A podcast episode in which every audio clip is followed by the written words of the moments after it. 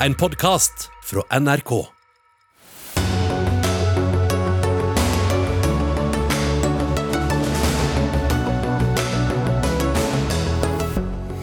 Liz Truss slo alle rekorder. Ble den kortest sittende statsministeren i britisk historie. 44 dager varte reisen. Nå starter kampen om etterfølgeren. Mer varsling, mer bevæpning og mer antidroneutstyr. Regjeringen forbereder seg på det økte trusselbildet fra øst. Hvordan møter Senterpartiet ropet om hjelp fra landets nærbutikker, som er i ferd med å bukke under pga. høye strømregninger?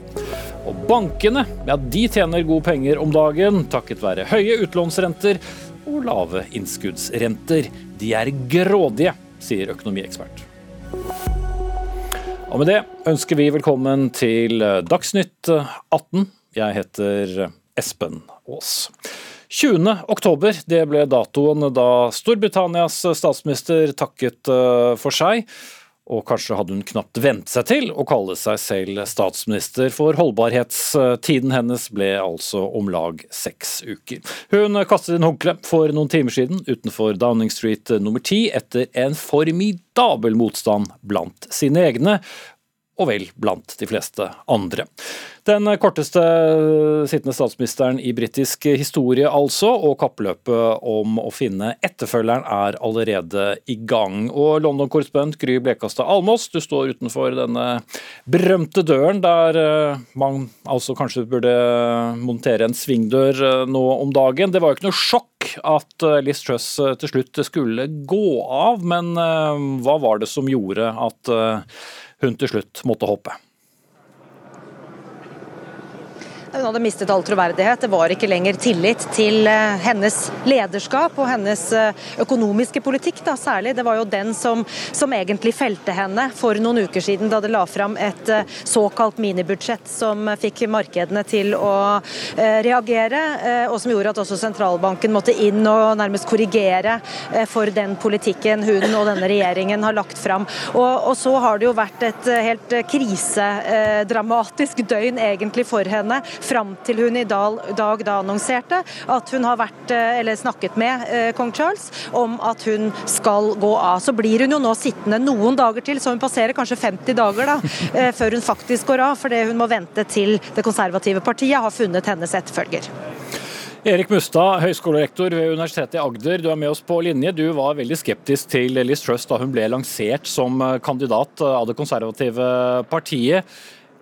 Hvordan i alle dager klarte hun likevel å komme dit hun gjorde, selv om det skulle vare akk kort?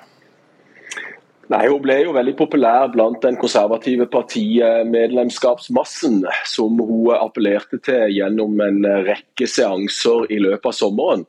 Vi så jo at i avstemningene i den parlamentariske gruppa til det konservative partiet Underhuset, så var jo ikke Liz Truss blant de tre uh, første Eh, helt til siste runde, eh, så ble hun nummer to. Så det var jo Rishi Sunak som vant alle disse. Men hun gjorde en god figur i veldig mange av disse seansene rundt forbi i landet. Og forankra da støtten i veldig mange av lokallagene i det konservative partiet.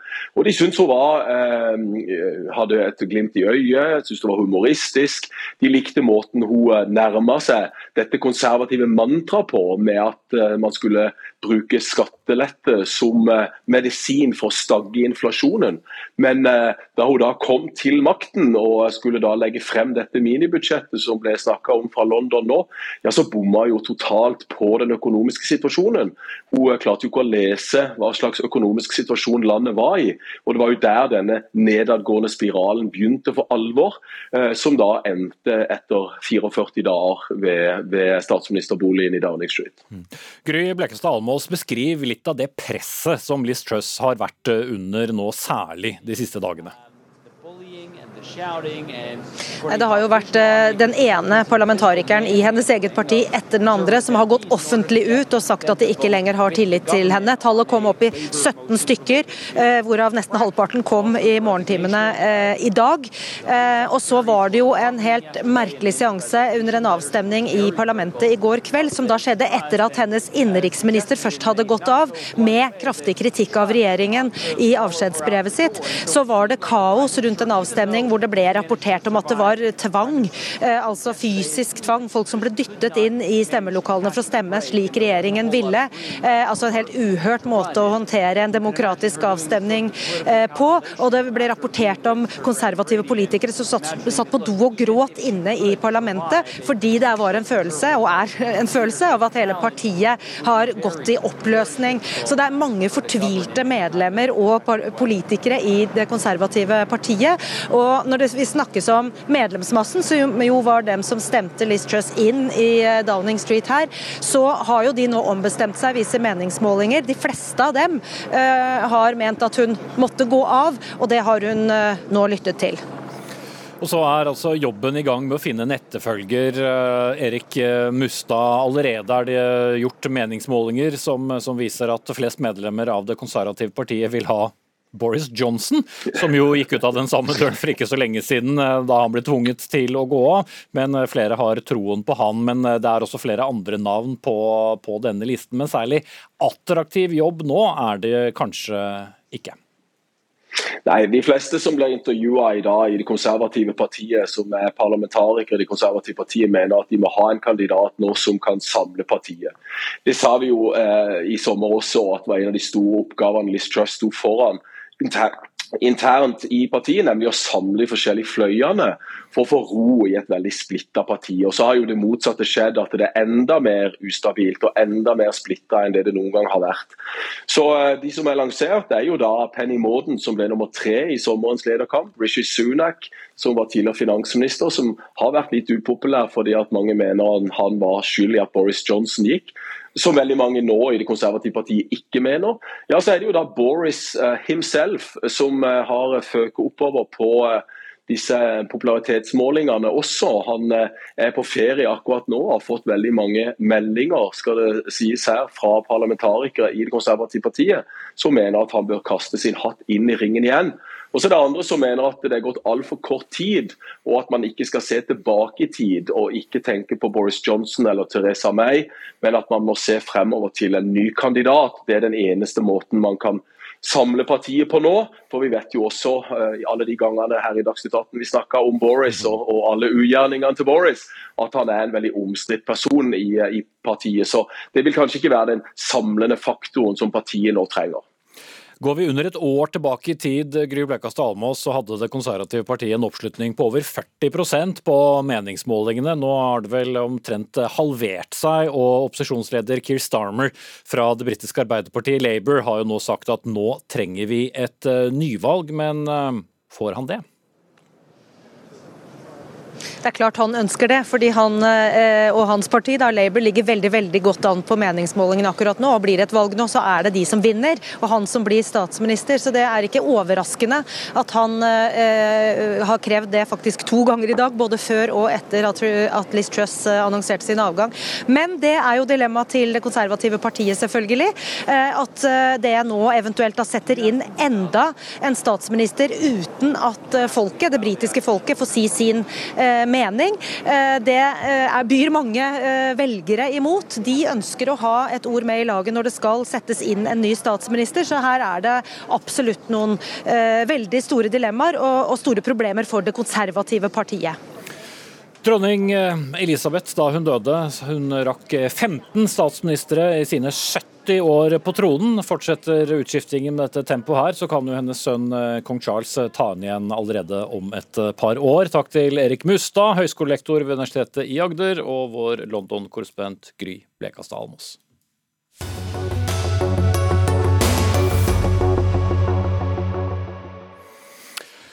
57 ekstra millioner kroner til antidroneutstyr, et eh, nasjonalt varslingssystem og fortsatt bevæpning av politiet. Ja, det var noen av ekstratiltakene som regjeringen listet opp på en pressekonferanse i morges i forbindelse med vårt eget sikkerhetsnivå, eh, mens Russland fortsetter angrepskrigen i Ukraina.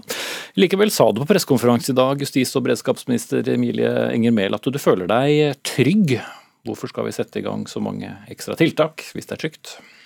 Regjeringen satte i verk en rekke tiltak eh, ganske kort tid etter at krigen brøt ut. Det var jo i februar. Eh, det gjør at eh, nå begynner vi å få effekt av en del av de tiltakene. F.eks. så styrka vi sivil beredskap med en halv milliard kroner, hvor en del av det har gått til økt operativ evne i politiet og PST til å avdekke det som vi kaller sammensatte trusler. Og så har situasjonen mellom Ukraina og Russland utvikla seg gjennom hele krigens tid, og de siste ukene så har det også vært en skjerping. Og vi har nå begynt å se flere og flere hendelser som kanskje gjør at det eh, også synes mer for befolkningen i Norge, at Norge også kan være utsatt for trusselbildet. Selv om de konkrete hendelsene er for tidlig å si noe om hva som ligger bak, fordi de skal etterforskes først. Mm, men du sier både at du er trygg og vi høyner eh, beredskapen? Ja, vi kan ikke hvile i eh, i at uh, vi har gjort en del ting. Vi må jo hele tiden følge med på bildet, men folk kan finne trygghet i det også. At regjeringen uh, følger jo med daglig med på denne situasjonen.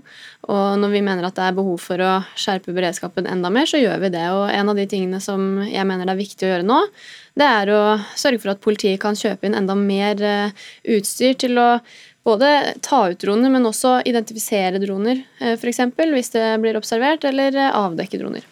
Eh, politiet eh, ble jo permanent bevæpnet etter eh, angrepet i Oslo sentrum utenfor London pub. Nå skal de fortsatt være bevæpnet. Hvorfor trenger vi bevæpnet politi nå? Ja, det er jo politiet selv som gjør en vurdering av om det er klokt, og jeg har slutta meg til det, den vurderingen. Det er fortsatt en skjerpa sikkerhetssituasjon i Norge.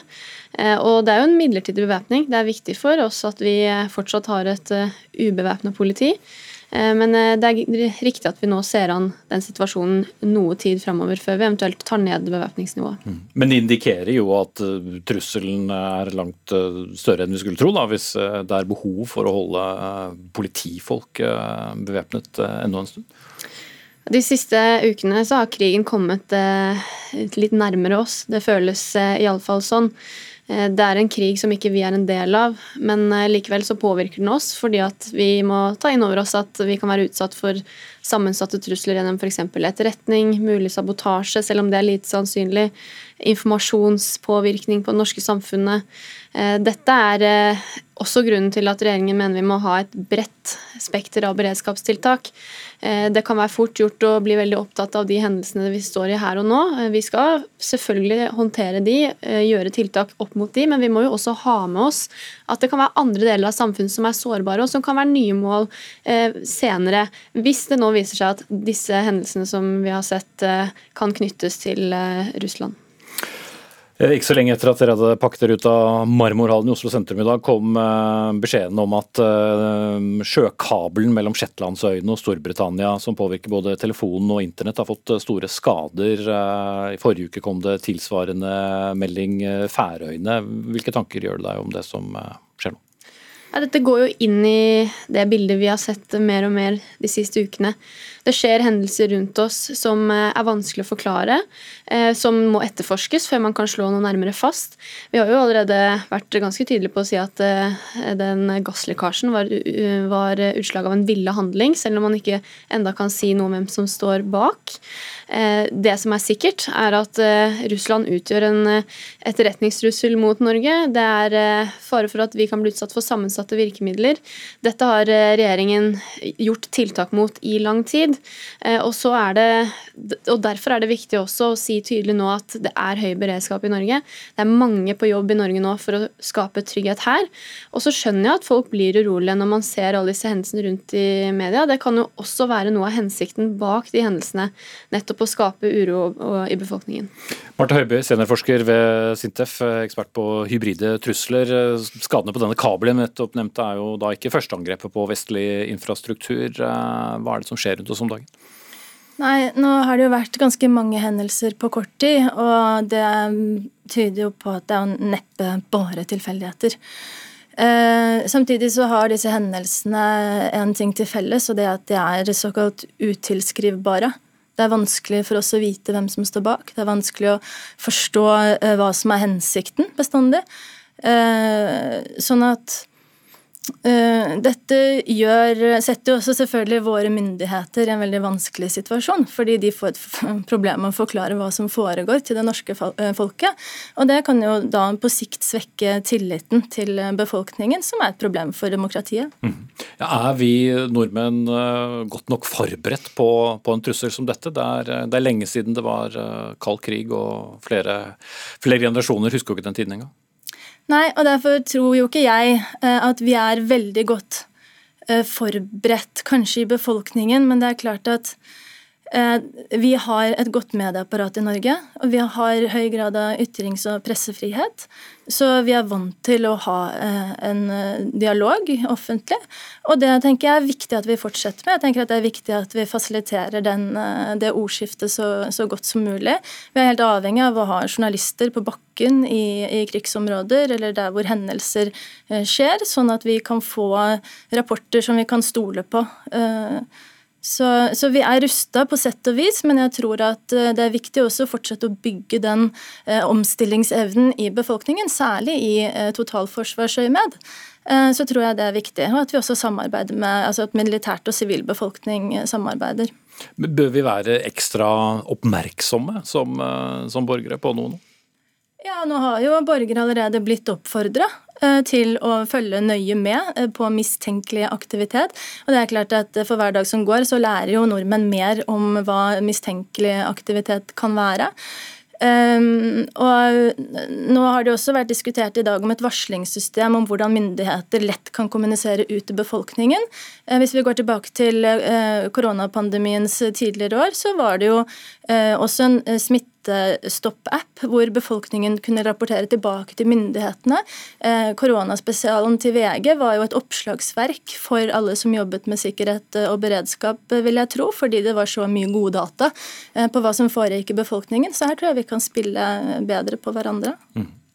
Bør folk være bekymret? Jeg vet ikke om det er så nyttig å være bekymret, men jeg tenker at å være årvåken og følge med, og det er et ansvar som befolkningen også har, følge med på, på nyhetene og, og, sette seg inn i litt dypere analyser. Kanskje ikke se så mye på hver enkelt hendelse eh, isolert sett, men kanskje være mer eh, oppmerksom på det store bildet og det storpolitiske spillet.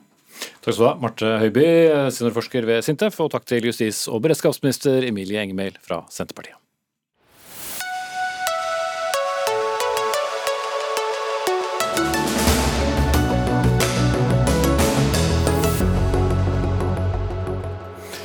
Mens eh, enkelte dagligvarearvinger flytter formuer utenlands eh, om dagen, roper landets små nærbutikker om hjelp de er redde for å dø ut. Mer enn 70 nærbutikker i Distrikts-Norge i Sør-Norge har signert et nødrop hvor de advarer om at de høye strømprisene holder på å gjøre det umulig å drive videre.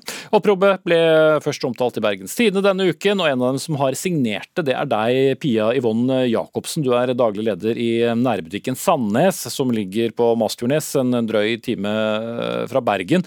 Hvor mye har dine strømutgifter i butikken økt de siste månedene? Eh, fra juli til eh, august måned så var det en dobling på eh, strøm, strøm, strømregningen.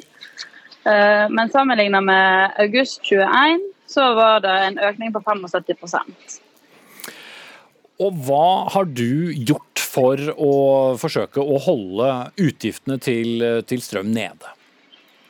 Eh, vi har jo slått av eh, noen kjølere og noen fruktdisker, men vi kan ikke slå av alt. Maten vår er avhengig av å være kald i fryser, så vi kan ikke slå av isdisker. Eh, men allerede før strømprisøkningene så har vi jo skifta til LED-lys, vi har investert i nyere kjøleskap som, gjør, som bruker mindre strøm. Så strømsparing er jo ikke noe ny idé, det er jo noe vi har drevet med lenge. Men uh, disse strømstøtteordningene som har kommet, uh, hvorfor gjør ikke det livet ditt lettere? De treffer ikke godt nok. Altså, det er for lite for seint. De kommer for seint. Og det er for de som ikke kan, få, ikke kan investere i enøktiltak, så er det tilsvarende 25 prosent, over 70 øre. Og det blir for lite. Mm. Så, så, hva burde myndighetene gjøre?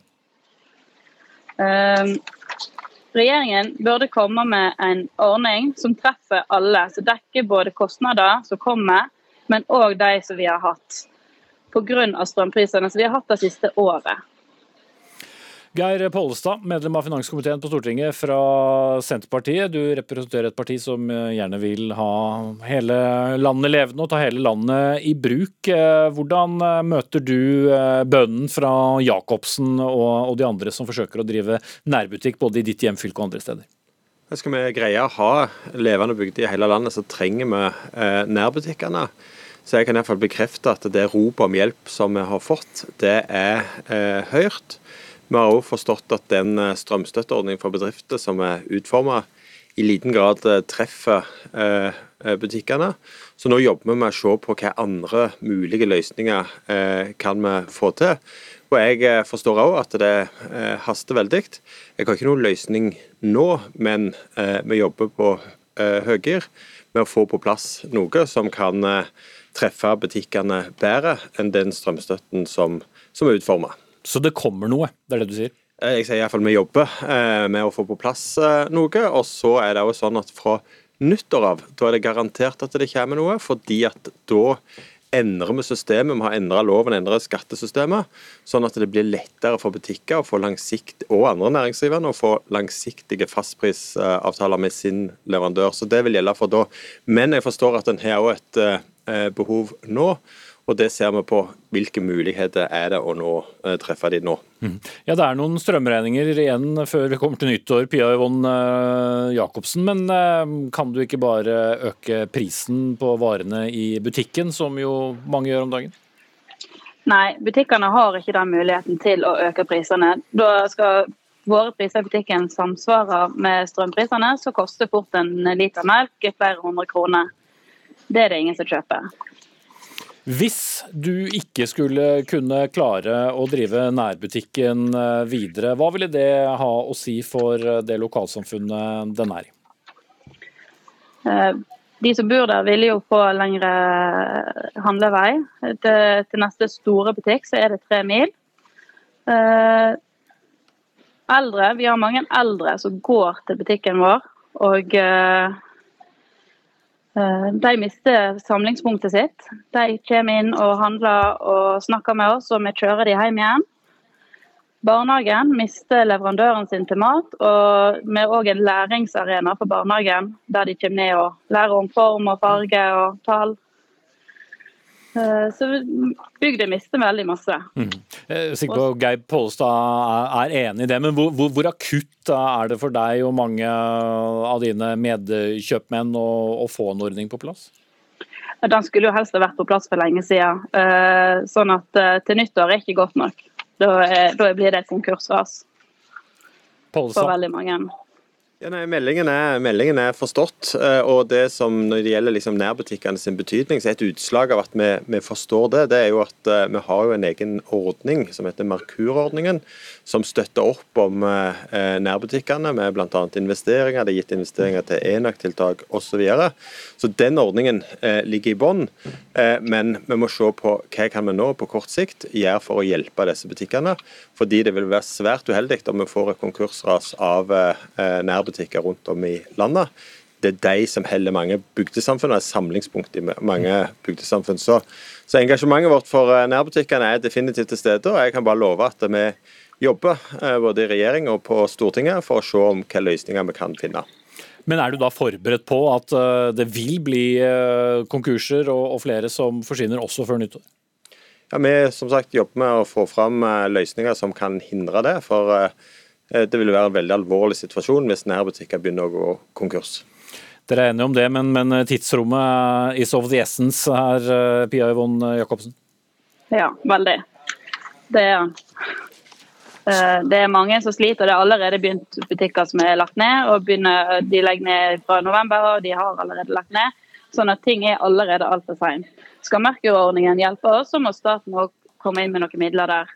Det er ingen problem for butikkene i dag å søke gjennom Merkur, men det må være mer midler på plass. Mm.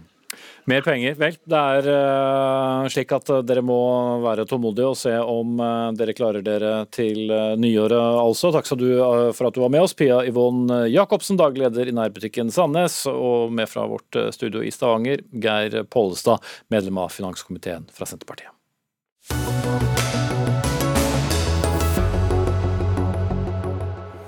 Senere i Dagsnytt 18, Nord-Europas største kornlager, som ligger i Stavanger, klargjøres for salg og kan bli omgjort til boliger og kunstgalleri. Ja, det blir det debatt av eh, når behovet for å lagre korn er stort i disse dager. Men nå noe ganske annet. Kanskje komme noen gullkorn, hva vet jeg. Men i hvert fall, serien Power Women på Viaplay har fått kritikk fra mange hold denne uken som igjen har skapt eh, debatt om kritikken egentlig er rettferdig. Ifølge Viaplay, som ikke kunne være med her i dag, så er det hele en dokumentarserie om sitat, fem driftige foregangskvinner og et innblikk i karrierene og privatlivene deres. Kvinnene det er snakk om er næringslivsleder Anita Krohn Traaseth, tech-gründer, redaktør øh, og øh, ja, her er det falt ut navn, i hvert fall redaktør Ingeborg Heldal, påvirker Lea Behn og skuespiller Iman Meskini. Hans Petter Nygaard Hansen, teknologipåvirker og foredragsholder, du har vært kritisk til kritikken som er gøy å si, og har sagt sitat 'fuck Aftenposten og Dagens Næringslivs kvinnelige kritikere'. Du har eh, selv gitt terningkast eh, fem, som er over dobbelt av det som har kommet andre steder, og mener at dette er noe som bør ses for å gi eh, inspirasjon og guts til å, å tørre. Hvorfor er dette en så viktig serie? Fordi eh, vi har eh, alt i alt altfor få kvinnelige gründere. Vi har altfor få uh, unge og eldre jenter som har uh, positive rollemodeller å se opp til. Vi uh, ligger vel helt i bunnen av 38 OECD-land når det kommer til akkurat det. Så selvtilliten til kvinner i dag for å våge å bli gründere, våge å satse på teknologi, eh, våge å starte opp sitt eget selskap, våge å bli liksom den beste utgaven av seg selv uten å bli altfor flåsete. Eh, jeg syns det er viktig, og jeg syns det kommer godt gjennom serien.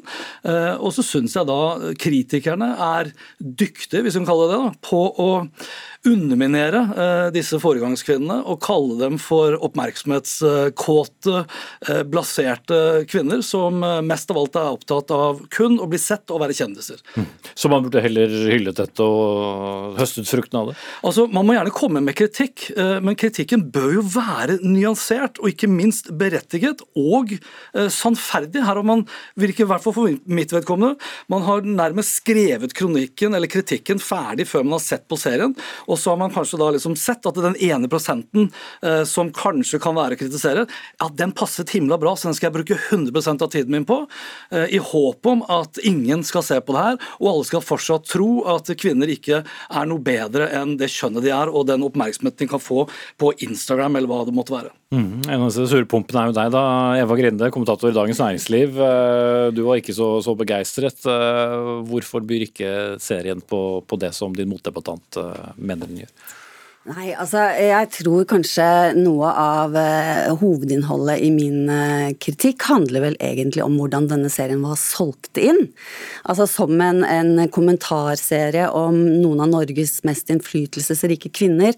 Um, og du, liksom, du, så jo hele byen uh, klistra ned med, med glamorøse plakater osv. Uh, litt sånn dobbeltkommunikasjon allerede i utgangspunktet. For altså, disse fem er jo, de er jo uten tvil kjendiser. Eh, veldig kjente, og de var også veldig styla opp på disse plakatene overalt. Og så var det liksom at dette skulle handle om eh, maktkvinner og veldig innflytelsesrike kvinner. Og da det kan man jo da diskutere. Altså, jeg syns det hadde vært ærligere av Viaplay å snakke om at uh, dette her er en serie med, med fem uh, kjendiskvinner som, uh, som, har stor tro på seg selv, som tar mye plass, og som er morsomme og sympatiske, og som har prosjekter i livet som de driver med. Um, og så får vi lov til å følge dem i livet deres. Mm. Men, Men, det blir ikke så mye grunner av det? Uh, altså, det, det, jeg stiller i hvert fall spørsmål ved uh, det, når de sier power women, så høres det ut som det, altså, kvinner med makt er denne type kvinner. Og dette er bare en liten flik av, av, av kvinner med makt i Norge i dag. ikke sant? Personer. Det, Ja, men altså den typen makt som handler om å være influensere, som handler om å være kjente, og som handler om å ha definisjonsmakt. ikke sant? Og det er jo for så vidt et veldig interessant tema. For jeg er ikke enig med de som sier at dette ikke handler om makt i det hele tatt. Fordi det syns jeg det gjør. Det gjør det. Eh, og det hadde vært kjempegøy om de hadde fokusert litt på det. At kanskje de kunne reflektert litt over hva slags makt er det de har, hvordan bruker de den, og hvorfor. Ja. Det syns jeg det blir veldig lite av. Det handler mye mer om graviditetstester og barn og, og familie, og Ja, at man vinner priser og Ja, jeg syns dette minner mer om en sånn slags hva skal vi si, en slags levendegjøring av sosiale medier, der du legger fram alle de positive tingene du ville ha snakket om på, på Facebook. ikke sant? I dag vant jeg en pris, osv. Ja. Ja, da må man jo kanskje begynne med å tenke litt sånn, ok, hvorfor vinner de pris, da?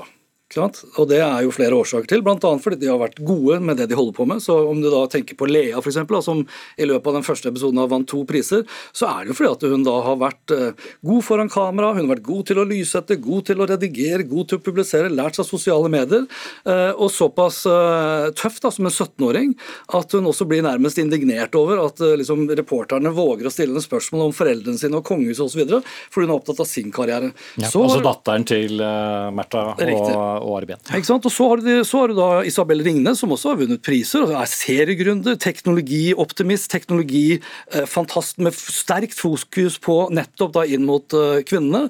Så har du da f.eks. Uh, Iman Meskani, som eh, dere egentlig bare nevner liksom, er opptatt av å adoptere katter og det ene etter andre, istedenfor å liksom legge Vi kan ikke gå innom eh, alle her. jo, nei da, det er greit nok, men hun ble tross alt da kåret til eh, 30 under, altså topp 30 under 30 for hennes sosiale påvirkning i Europa av Forbes. Det er det liksom ingen av kritikerne som skriver. Jeg syns det er for dårlig, rett og slett, stykke håndverk. Og dere også vet jo at ordet er makt. Mm. Dere er opptatt av kvinner med makt også i Dagens Næringsliv. Eva Grinde, hva ville du heller sett i den serien? da? Nei, altså Som jeg nevnte, eh, eh, så kunne det vært veldig interessant hvis man hadde gått litt Nå, nå skal vi bare ta forbehold, vi har sett to episoder, ingen har sett flere enn to episoder. Men hvis man kunne gått litt mer inn i, i hva slags rolle det er de har, og hvordan de ser på den rollen selv, og, og hva slags forhold de har til den makten de har gjennom sånne For dette er jo et relativt nytt eh, fenomen, ikke sant, med, med influensermakt, og hva, hva, hva ligger i det? Og hva ligger i eh, den makten man får når man blir kjendis? Eh? Sånn at det, det, det kunne vært eh, interessant. Ellers så kunne man jo eh, Altså det snakkes om at, eh, at det er viktig med sånne mm, programmer fordi at det fortsatt er eh, veldig kjønnsdelt arbeidsmarked osv. Men, eh, men, men altså eh, de rollene som disse fem stykkene har, er jo ikke akkurat eh, mannsbastioner eh, som de har forsert. Altså Muligens med unntak av Anita Krohn Traaseth som har hatt to to lederstillinger i, i større organisasjoner i seks år til sammen. Men ellers så, har, så er det så, ellers, så- ellers så, så er det jo eh, så er det jo egentlig mm, områder som kvinner er spesielt eh, sterke på. Therese Solliden, kommentator i Aftenposten, du eh, har også sett på dette. Med, du satte deg ned med, med en viss skepsis, skrev du, men du endte opp med å like det. Hva, hva var det du likte? Ja, i likhet med Eva Grinde så syns jeg jo også at innsalget var veldig snålt. Eh, hvis man først har lyst til å lage en serie om, om mektige kvinner, så hadde jeg kanskje syntes det var mer naturlig å følge sentralbanksjefen eller utenriksministeren eller noe. Men eh, etter et par episoder så kjente jeg på at jeg syntes det var veldig veldig gøy å se på. De er fantastisk kule, alle de fem damene. og Jeg så på det med, med stor entusiasme. Jeg liker serien godt. Feilen er, er, eller altså Kritikken kan man heller rette mot produksjonsselskapet. eh, Som er her. Ja. pakker det inn som en, en oppvisning i makt. og da kan, Det hadde vært kjempeinteressant eksempel å se hvordan Iman Meskini påvirker sine følgere, men det skal vi ikke inn i. Vi får se at hun hopper fallskjerm. Det syns jeg Ja, eh, det er rart. Vi vet jo ikke det. Men, nei, kanskje vi får vite mer om det. følgere. På den annen side, da. Hvis jeg har lyst til å se på hvordan eh, maktens tinde beveger seg, så er det kanskje bedre å skru på Brennpunkt eller noe istedenfor Viaplay. Det er jo litt interessant at uh, kjønnsdelingen her, da, du som, som mann heier frem denne serien om uh, kvinner, mens Jo, men jeg har- jeg har- du på andre siden av bordet har en litt annen uh, inngang til det. Jeg har, tre, jeg har tre barn. To av de er døtre. Eh, Hun ene har akkurat begynt i næringslivet, begynt å jobbe. Hun andre er student. Eh, Og jeg ønsker jo at de også skal ha liksom de sunne, riktige rollemodellene å se opp til. Og de bør kanskje være også da kvinner. Så det er greit at, det, at liksom paradis nevner er typiske inn mot, mot kvinner. Nå må vi nødvendigvis kanskje ha kvinner for å få flere kvinner til å bli opptatt av teknologi. Eh, Vi må kanskje også ha en E-man for å bli flinkere kanskje til å ta inn eh, minoritetsbakgrunner med med utenforskapet, som også er et issue.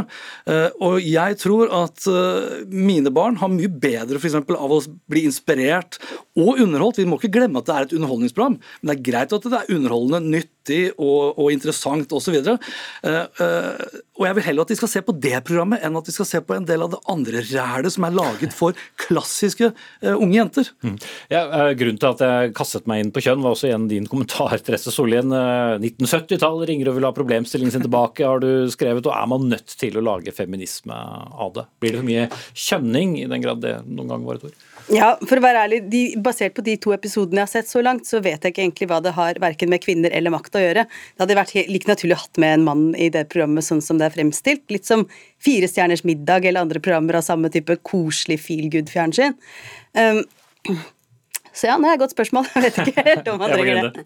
Ja, nei, det var to ting. Det ene er om man liker programmet og syns det er gøy å se på, syns jeg på en måte er litt irrelevant. Altså, jeg også syns det var underholdende og morsomt og veldig lett å like disse fem eh, damene. ikke sant? Um, og det andre er at jeg, jeg, jeg, ser, jeg, jeg syns det ser vanskelig ut å lage noe tilsvarende med med menn. Altså Hvordan skulle det sett ut? Fordi at Det ligger også litt i sakens natur her at det er en sånn type feel good power, og det, det gir man ikke til menn. Men det ligger Det er liksom fordi kvinner tar den plassen, og vi har den historien vi har, så er det noe å feire og noe å klappe for og noe å heie fram i seg selv. Eh, og, og, og derfor så blir det sånn stereotyp, da? Eh, ja, og, og, litt ukritisk. Altså, jeg, jeg, jeg syns egentlig at disse fem får lov til å fortsette sin egen merkevarebygging i den serien uten uten noen særlige spørsmål eller krav til refleksjon rundt sine roller. Sorry. Ja, øh, Når det gjelder det med jeg skriver at 1970-tallet ringte og ville ha problemstillingen sin tilbake, så er det med utgangspunkt i at det er jo ikke noe oppsiktsvekkende etter mitt skjønn at kvinner tør å ta plass i dag, i dagens medievirksomhet, eh, virkelighet. For den saks skyld, i dagens eh, si, regjering eller hva som helst, så ser man jo kvinner over det hele. Kvinner gjør det mye bedre enn menn i høyere utdannelse. De har mye bedre statistikker på alvorlige ting som kriminalitetsstatistikk, russtatistikk, helsestatistikk, alle disse tingene så er kvinner mer enn likestilt. Tvert imot. Men de når ikke til topps, da. Det har vi diskutert mange ganger. De, de, kommer langt, og så blir de ikke sittende på toppen av næringslivet. Ja, ok, liksom. Så er de mindre risikovillige enn menn, og velger kanskje i større grad enn menn offentlig sektor. Eh, men det betyr vel ikke nødvendigvis at, man, at det er oppsiktsvekkende at kvinner tør å ha ambisjoner i dag, og det var mitt poeng. Mm, ja, det er jeg veldig enig i. Men, men, altså, de kommer ikke til topps, men de kommer kanskje til topps på Instagram. Altså, der er kvinner, det er, det er jo der kvinner de, de hevder seg jo rett og slett der. Altså, hvis man skulle snakke om liksom, problematiske områder i samfunnet, burde man gått inn på finans eller altså, disse forretningsjusfirmaene, eller der det virkelig er eh, Eller helt på, på toppledernivå i de aller største selskapene. Ja, men altså, Anita Krohn Traaseth igjen, da. Hun jo, har jo bevist liksom, i, i flere tilfeller at hun er eh, en rådyktig forretningsperson. Men som dere da igjen gjør om til Eh, kjendiskvinner som bare vil ha oppmerksomhet. Jeg, altså, du sier at vi ikke skal gjøre det her om til en sånn kjønnet sak, men det er jo nettopp det dere gjør. Det er det okay. programmet som gjør. Ja, ok, Vi lar det være siste ord, uten å være i nærheten av noe enighet eller løsning her, eh, Redd, men uh, ta skylden selv for at det ikke utvider tiden. Hans Petter Nygaard Hansen, foredragsholder og teknologipåvirker. Eva Grinde, kommentator i Dagens Næringsliv, og Therese Sollien, kommentator i Aftenposten. Takk skal dere ha.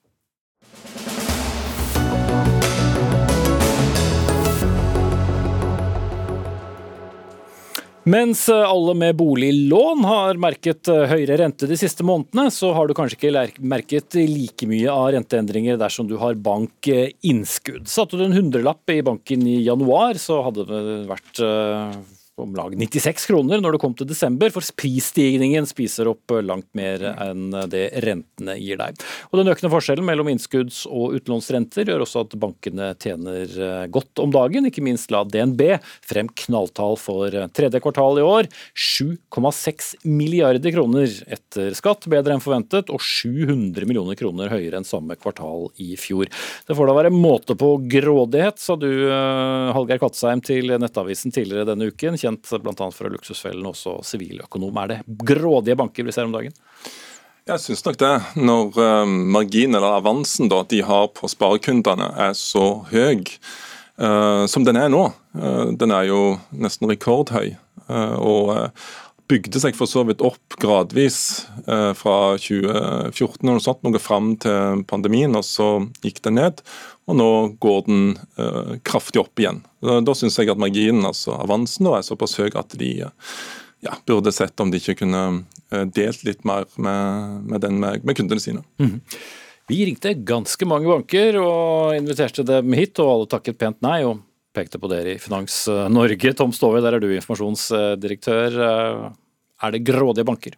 Ja, så, ja, så Grunnen til at eh, jeg kommer og gjør dette, er fordi at utviklingen er ganske lik for alle bankene. Og Nå skal jeg si noe som høres helt utrolig ut, men som faktisk er sant. og Det er altså at den samlede rentemarginen for alle banker i Norge, viste utlånsundersøkelsen Norges Bank i dag, har falt fra andre til tredje kvartal i år. Det betyr at bankene fra andre til tredje kvartal faktisk tjener mindre penger per utlånte boliglånskunde Eh, enn de gjorde i andre kvartal. Så har Hallgeir et poeng. Innskuddsrentene henger litt etter nå, fordi vi er i en periode hvor rentene stiger veldig mye. Og siden bankene da har varslingsfrist på utlånsrentene, så vil man naturlig holde igjen litt på innskuddsrentene. Men Hvorfor er det naturlig? Eh, eh, fordi at, fordi at, man er jo avhengig av å opprettholde et overskudd. Eh, og det, eh, så, så, så, det som kommer til å skje nå fremover, det er jo at innskuddsrentene kommer til å stige. Eh, men de, de legger litt, utlånsrentene. Det er helt naturlig i de periodene. Vi har sett det mange ganger tidligere. Og så har jeg lyst til å legge til én ting til. Det jeg syns er bra med Hallgeirs påpekning, det er at det er fullt mulig for bankkundene nå å være aktive. Jeg var selv inne på Finansportalen i dag og sjekket, og det er altså sånn at hvis du er villig til å binde pengene dine i seks måneder, det er jo ikke veldig lang tid, så får du nå 3% rente på penger i landets største bank. Og det er nesten det boliglånene koster i landets billigste boliglånsbank. Mm. Var bankene litt greiere likevel, KC? Eh, om de greier? Mm -hmm. Nei, altså det er jo 3% det er fordi at en forventer at rentemarkedet skal gå oppover ganske kraftig nå fram til sommeren. Eh, men jeg er helt enig med Tom at eh, det er jo mest Altså, Jeg er jo litt forarga på, på bankene, men jeg er ikke mindre forarga på kundene. Eh, som altså blir i disse bankene som gir så elendig rente. De bør jo bruke sin kundemakt og flytte sine innskudd, for det er superenkelt å gjøre, til banker som tilbyr en bedre rente. Og Selv på flytende så kan du i dag få 2,5 rente, eh, mens du altså i de større bankene må ta til takke med 1% og skarve det. For 100 000 så utgjør det 1500 kroner per år uh, i bedre betaling. Så det er vel verdt å ta den bitte, bitte, bitte lille jobben. Mm. Og fordi norske bankkunder historisk sett er ganske late med å flytte både lån og innskudd, så kan bankene ta det litt med ro? Står vi? Nei, men, men altså, det er litt sånn Jeg skulle ønske vi slutta å bruke sånn derre sånn, Banker er grådige, bankene flår kundene sine. Det tror jeg bare skaper en sånn handlingslammende avmaktfølelse. Det er mye mer interessant når Hallgeir peker på at hvis du binder pengene dine seks måneder nå i landets største bank, så får du 3% rente. Det er et veldig godt råd. Så jeg syns at vi skal liksom endre terminologien til noe mer positivt, sånn at kundene faktisk skjønner at ja, det fins muligheter der ute, hvis jeg bare er bitte lite grann uh, aktiv. Ja, det var, du, ikke, det, det var du som ga det rådet, men Det skulle jeg si. Men, men så kan jeg få lov til å knytte to kommentarer til liksom, måten vi fokuserer på disse enorme milliardtallene, og senest i dag i DNB. Saken er at ø, norske banker er pålagt av norske myndigheter å bygge egenkapital. Denne egenkapitalen er der av en god grunn, nemlig at vi skal ha et finansielt ø, stabilt system. De som er den egenkapitalen, de er de første som taper penger hvis bankene går med underskudd. De krever avkastning på de pengene for å ha satt dem inn i banken. Og Så må vi måle da overskuddet i banken mot denne egenkapitalen. Og Hvis du ser det forholdet over tid, så er det altså sånn at uh, norske bankeiere, eller de som eier bankene, har om lag den samme avkastningen på pengene sine som annet næringsliv notert på Oslo Børs. Mm. Og, og, det, og, det, er også interessant, da Nei, nå stoppe deg, og så vil jeg rekke opp hånda, dere, dere der hjemme som skjønte det siste resonnementet. Uh, Kvatsheim, mm. det er vel ikke så mye annet å gjøre likevel enn å be folk bare våkne opp? Nei, det er jo ikke det. Altså, det, er den, det er den aller eh, viktigste poenget, rett og slett. At eh, kundene må våkne opp og flytte innskuddene sine til bedre banker. Eller eventuelt, som en også kan gjøre, ikke for å være teknisk, men en kan jo nå f.eks. flytte det til såkalte pengemarkedsfond med lav risiko, som gir nå fort 3-4% rente. Det kan en gjøre altså for så vidt i den samme banken, hvis en ønsker det. Men eh, altså Bankene og Finans Norge kommer jo alltid tilbake med dette med at vi må bygge opp soliditeten i egenkapitalen, mindre risiko for tap osv. Men, men bankene er jo solide nå. Og jeg må jo si reagerer litt nå. F.eks. Eh, både jeg, men også bankenes egne forbrukerøkonomer i lang tid nå har sagt at pass på denne bufferkontoen. Bygg den opp. Sett av penger til dårligere tider. Og det trenger vi nå, fremfor alt. Ja vel, så gjør vi det. Vi satte inn penger så bare det i løpet av pandemien. Og så blir vi altså avspist med en rente da, i de store bankene med litt under 1 Og de setter ikke opp denne. Det er da jeg sier at Du kan forskuttere renteøkningen som kom på innskuddskonto ved å binde pengene dine nå i seks måneder. Ja, det er fullt mulig å gjøre. Ja, men det er der folk ikke gjør. De, de blir værende på den 1 Og Hvorfor kjemper da ikke bankene litt mer om, om kundene og sier vi har bedre innskuddsrenter enn eh, den og den banken? Det, det er vel igjen fordi man ikke trenger det, fordi vi nei, er litt late? Nei, vet du altså, jeg tror hvis du spør hvem som helst i det norske bankmarkedet, jeg snakker veldig mange, mange ganger med dem eh, hver eneste dag, de eh, rapporterer at det er høy grad av konkurranse om kundene. Eh, og når du ser sånn noenlunde like bevegelser, så er det jo en grunn til det. ikke sant? Og det som har skjedd i det siste, er at markedsfinansieringen har blitt dyrere. Eh, og Derfor har man holdt igjen litt på innskuddssiden. Men innskuddsrentene, hvis den renteutviklingen som vi har sett og vi tror kommer, så kommer også innskuddsrentene til å stige fremover. Det tror jeg er ganske sikkert. Det er bare å se på fastrentetallene. Um, og så bare, Du sa at det der resonnementet var litt vanskelig. Uh, men bare, bare, kan jeg bare få lov til å gjøre det? Nei, det kan du ikke, for vi har bare noen få sekunder igjen. og Jeg hadde tenkt bare å si at selv om en hundrelapp kanskje ble til 96 kroner i løpet av et år, så er det fortsatt mer lønnsomt å ha pengene i banken enn å ha dem i madrassen. For der er i hvert fall ingen hjelp uh, å få, i den grad noen tenkte å gjøre det. Tom Stovi, informasjonsdirektør i Finans Norge. Hallgeir Kvatsheim, siviløkonom og økonomiekspert.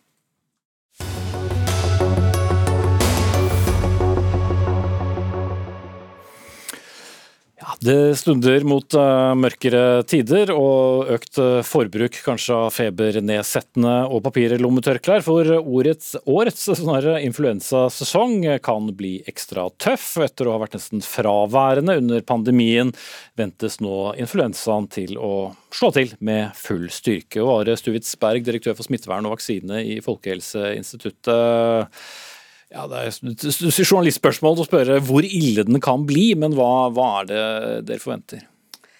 Ja, toppen, eller hvor ille det faktisk blir, får vi nå snakke om eh, en gang til våren. Men eh, det er kanskje tre forhold som det er viktig å peke på. Det ene var litt, det du var litt inne på. Vi har levd nå med strenge smitteverntiltak. Vi har ikke fått en normal sirkulering av influensavirus og bygd immunitet. Og så er vi litt bekymra for hvilke nye virus vi nå skal møte på. Det kan være veldig lenge siden vi har møtt de, også lenger enn pandemien. Og så er det jo samtidigheten med at vi nok tror det kommer en ny koronabølge i løpet av denne vinteren. Mm. Men uh, vi vet ikke helt hva slags virus som kommer. så Det betyr at det kan komme sterkere andre influensavirus som skiller seg fra de vi så for ja, et par år tilbake?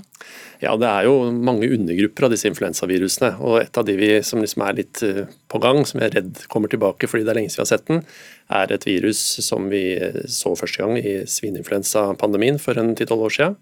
Eh, og den vet vi er tøffere for barna. Og vi vet samtidig at barn er jo de som kanskje i størst grad ikke har fått bygd immunitet de siste åra. Så barn under en to, tre, fire, fem års alder har kanskje ikke møtt på influensaviruset i det hele tatt. Så den kombinasjonen kan gjøre at det blir mange syke barn i år. Mm. Men først og fremst syke, altså det, er ikke, det er ikke noen alvorligere sykdomsforløp eh, altså, som kan være grunn til å følge med på, eller? Ikke nødvendigvis, men dette ene viruset jeg nevnte, det kan være litt ekstra tøft for de yngste. Det så vi også når det kom første gang for en 10-12 år siden. Så, så, ja, det kan være både mer alvorlig, men først og fremst er det kanskje mengden eh, syke som, som blir eh, forandringa. Når venter vi å bli truffet av det som er sagt av eh, viruset? Ja, Nå har det vært lite smitte med influensa også nedover i Europa. og i, Den ser ikke ut til å være på vei riktig ennå. Så det som vi nok heller treffes av før, er en ny oppblomstring av, eh, av koronaviruset, som vi ser at en god del land rundt oss nå har begynt å få økende smitte av. Mm. Så er det litt sånn ofte at eh, virus har det med å ikke er greie med og sånn, de slår ikke så ofte til samtidig, men det vet vi jo ikke sikkert da. Men hva skal folk gjøre da, utover den lange listen alle har lært seg utenat med håndvask og nyse i armhulen og alt dette her? Nei, nummer én er jo at de som er utsatt for alvorlig sykdom, de tar vaksinen. Og Det er eh, eldre over 65 år. Det er eh, de yngre, eh, altså under 65 år med underliggende risikotilstander, da, som gir økt fare for alvorlig forløp av influensa, som er ganske overlappende med, med det vi ser for covid-19 men også barna. Barn med underliggende risikotilstander, hjerte, hjertesykdommer, lungesykdommer, kroniske lungesykdommer, eh, nevrologiske sykdommer, de bør få vaksine i år. Mm.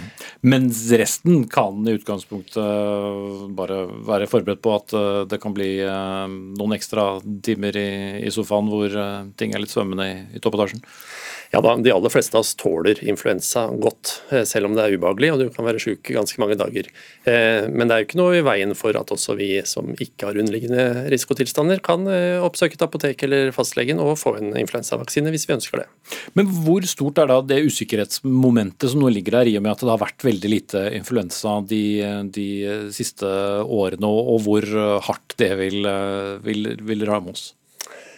Ja, det, er vanskelig å liksom, eh, lage en eh, kvantifisering av, den, av det risikomomentet. men vil, vi tror jo ikke at vi får eh, smitteverntiltak tilsvarende som vi har fått i tidligere pandemiårene denne vinteren. Så vi, vi vil få introduksjon av influensaviruset, og da vil det spre seg raskt og vil ramme mange av oss fordi vi ikke har den immuniteten. Så sannsynligheten for at vi får eh, mye influensasmitte i år er stor. Og, men akkurat hvor raskt det rammer oss, og hvor eh, sterkt viruset er, da, for å si det på den måten, det er vanskelig å si ennå. Mm. Men det at korona kanskje sprer seg først, kan det også virke dempende på, på influensa? Ja, Av forskjellige grunner, uten at man vet det helt sikkert, så ser, ser virusene ut til å stort sett komme litt etter hverandre. Og, men Så kan du få liksom overlapp, men graden av overlapp er alltid litt vanskelig å spå. Mm. Ok, Vi får stålsette oss. Are Sturesberg, direktør for smittevern og vaksine ved Folkehelseinstituttet.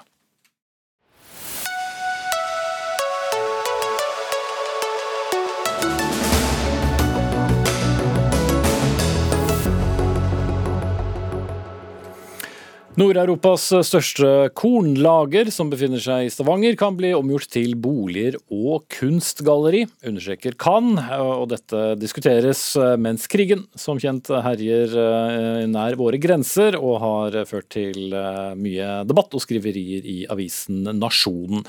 Avisen skriver selv på lederplass at det er ikke til å tro, og operasjonsoffiser i Heimevernet Kurt Laabak, du roper varsku du i samme avis og, og sier at omgjøring av kornlager til, til boliger og kunstgalleri er imot all fornuft. Hvorfor? Ja, det syns jeg. Ukraina-krisen er vel på en måte bare et, nok, et, nok en påminnelse på at eh, lagring av mat er, er, aktuelt sånn som det er nå. Og det å på en måte ta bort disse lagrene her nå, i disse tidene her, det er, ja, hoderystende nærmest. Ok. Anne Skutterød, styreleder i Felleskjøpet Agri. Det har ikke blitt omgjort, jeg vet du skal poengtere det ganske snart, men det, det jobbes likevel med en omregulering. Hvorfor eh, er det klokt? Det dreier seg for det første om at eh, denne kornsiloen ligger midt i Stavanger sentrum. Eh, der er det boliger og næringsvirksomhet eh, vegg i vegg med vårt industrianlegg. Stavanger kommune har ønska mindre industri og mer bolig og næring. Og så dreier det seg om at kornproduksjonen den foregår på østlandsområdet og i Trøndelag. Og vi har et sterkt behov for å ruste opp de mottaksanleggene vi har der. Og vi har også et sterkt ønske om å bygge ny kapasitet i kornområdene. Så man trenger den ikke, eller? Vi trenger eh, bedre kapasitet. Norske kornprodusenter er eh, ivrige på å produsere matkorn. Vi har noen flaskehalser, og en av de er faktisk det å ha mellomlagring av eh, korn produsert på Østlandet i Stavanger. Så for oss vil det være en stor fordel å kunne ha bedre kapasitet i kornområdene. Mm. Så å ha den i Stavanger sentrum er mindre hensiktsmessig enn å ha den på Østlandet? Åpenbart. Åpenbart. Så da er det ikke så farlig da, Lobak? Ja, altså det jeg har forstått at Felleskjøpet snakker om her, det er jo på en måte den kornproduksjonen man har i landet til enhver tid. Eh, må ikke misforstås med, med, det som kalles for beredskapslagring. Beredskapslagring er jo lager av korn eh, som på en måte skal dekke det som går over den produksjonen som vi har også i Norge. Eh, så det, den mellomlagringen eller den lagringen av det som produseres i landet, det, det må ikke forveksles med beredskapslagring. da. Nei, og da er eh, det mer hensiktsmessig å ha en silo på den størrelsen som ligger akkurat der den ligger nå. Sett økonomisk så vil jeg tro det. Eh, der er jo gjort beregninger på hva noe slikt kan koste å bygge opp andre steder, og de beregningene viser jo i milliardklassen. Så hvorfor ikke ta i bruk det man allerede har. Eh, jeg, nå har jeg ikke noen tall på hva det måtte koste å, å ruste opp eh, eventuelt det som står i Stavanger, da, men, men, for meg så er det veldig rart at man skal klare å finne penger i dagens tid til å satse på nye, store kornlagre når man på en måte har et stående i Stavanger. Og med tanke på tilførsel da av korn utenfra, eh, Skuterud, er det ikke da bedre å ha det, et, eh, en så stor kornsilo i et hav, nær, nær, havet og sjøen i, i Stavanger enn inn på Østlandet? Ja, altså, Låbakk og jeg er enige om det at beredskapslagring av korn er viktig. Og vi er veldig opptatt av at eh, vi skal ha en høyest mulig norsk kornproduksjon, for det er den beste beredskapen. Men det er ikke noe tvil om det at det er mye mer effektivt å ha disse kornlagrene i kornområdene. Så jeg vil eh, holde fast på det, at eh, den planen vi har lagt, den, den er god. Den vil tjene kornprodusentene godt, og det er vårt ansvar. Vi skal forvalte de anleggene vi har til det beste for kornprodusentene, og vi skal gjøre hva vi kan for å bedre den verdikjeden så den blir effektiv. Så jeg har lyst til å legge til at beredskapslagring er jo noe som departementet nå har bedt Landbruksdirektoratet utrede hvordan kan foregå. Og Vi har sagt at vi eh, er positive til å være med. Eh, vi er beredt til å stille kapasitet til rådighet. Men legger man dagens ledige kapasitet til grunn, så er, jo, er det jo altså ikke tilstrekkelig kapasitet engang på Stavanger havnesilo. Det må uansett bygges ny eh, lagringskapasitet skal vi klare å beredskapslagre. Mm. Men du er stadig litt bekymret her, Kurt Laabak? Ja, det lageret som står i Stavanger, dekker med det og den eksisterende lagerkapasiteten, så dekker vi ca. forbruk på to til tre måneder. Tar du vekk Stavanger havnesilo, så har du tatt vekk to tredjedeler, to tredjedeler av den beredskapen. Behovet er dobbelt, stor, dobbelt så stort som eh, Stavanger havnesilo i dag eh, kan gi, eh, hvis man ser på lagring inntil seks måneder, noe som Landbruksdirektoratet i sommer anbefalte. Skutterud? Ja, altså Vi eh, er som sagt positive til å bidra til beredskapslagring. Vi ønsker oss det i kornområdene. Det må bygges eh, ny kapasitet, og vi har satt som en forutsetning for et eventuelt fremtidig salg at vi både skal ha en plan for å bygge opp eh, tilsvarende kapasitet i kornområdene, og vi skal ha finansieringen på plass. Mm. Men som du nevner, eventuelt salg, så det er jo ikke hugget helt i, i steinen. Men hva er det som er fremdriftsplanen? Du, Nå er det satt i gang en omreguleringsprosess. Den regner vi med skal vedvare ut i 2023 på et eller annet tidspunkt. Og da må vi jo ta stilling til da, hvordan eh, vi ønsker å forholde oss til en omregulering. Den vil jo først og fremst gi oss et grunnlag for å se hvilken verdi det er på den eiendommen. Eh, men den endelige beslutningen om salg eller ikke, den tar vi når vi skal eh, på en måte se alle forhold tatt i betraktning, da. Mm. mm. Landbruks- og matminister eh, Sandra Borch svarte tidligere i høst på spørsmål fra Stortinget at regjeringen har iverksatt arbeidet med å se på muligheten for etablering av beredskapslagring av matkorn, og har gitt da dette utredningsoppdraget til Landbruksdirektoratet, som i juni presenterte en rekke alternativer, men departementet har da ennå ikke konkludert. Så Kurt Laabak, det er visst håp i hengende snøre for at dine bekymringer eh, skal bli møtt?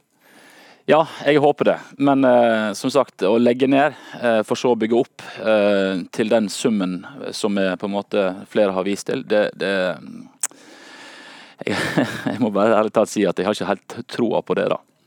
Nei, men hvor mye ansvar føler dere i dette egentlig, Skutterud, fra Felleskjøpets side, i og med eh, ansvaret ligger andre steder hen? Ja, altså Vi eh, har som sagt eh, vært eh, på tilbudssida når det gjelder å tilby kapasitet. Det kommer vi til å gjøre også med nye anlegg som vi oppgraderer og videreutvikler i, i, altså i kornområdene. Um, ja, så det, det samme. Mm. Mm. Ok, Anne Skutterud, styreleder i Felleskjøpet Agri, og med oss fra studio i Bergen, Kurt Laabak, operasjonsoffiser i Heimevernet. Dagsnytt 18 er ved veis ende for i dag. Det er ny sending i morgen. Da skal vi bl.a. snakke mye om regjeringens eierskapsmelding, men det skjer også andre spennende ting som vi kommer tilbake til da. Ansvarlig for dagens sending, Gro Arneberg. Lisbeth Sellereite tok seg av det tekniske. Jeg heter Espen Aas og ønsker god kveld.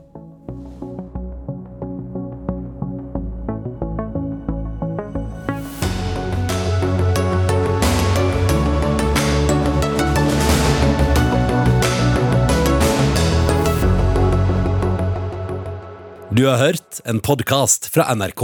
Hør flere podkaster og din favorittkanal i appen NRK Radio.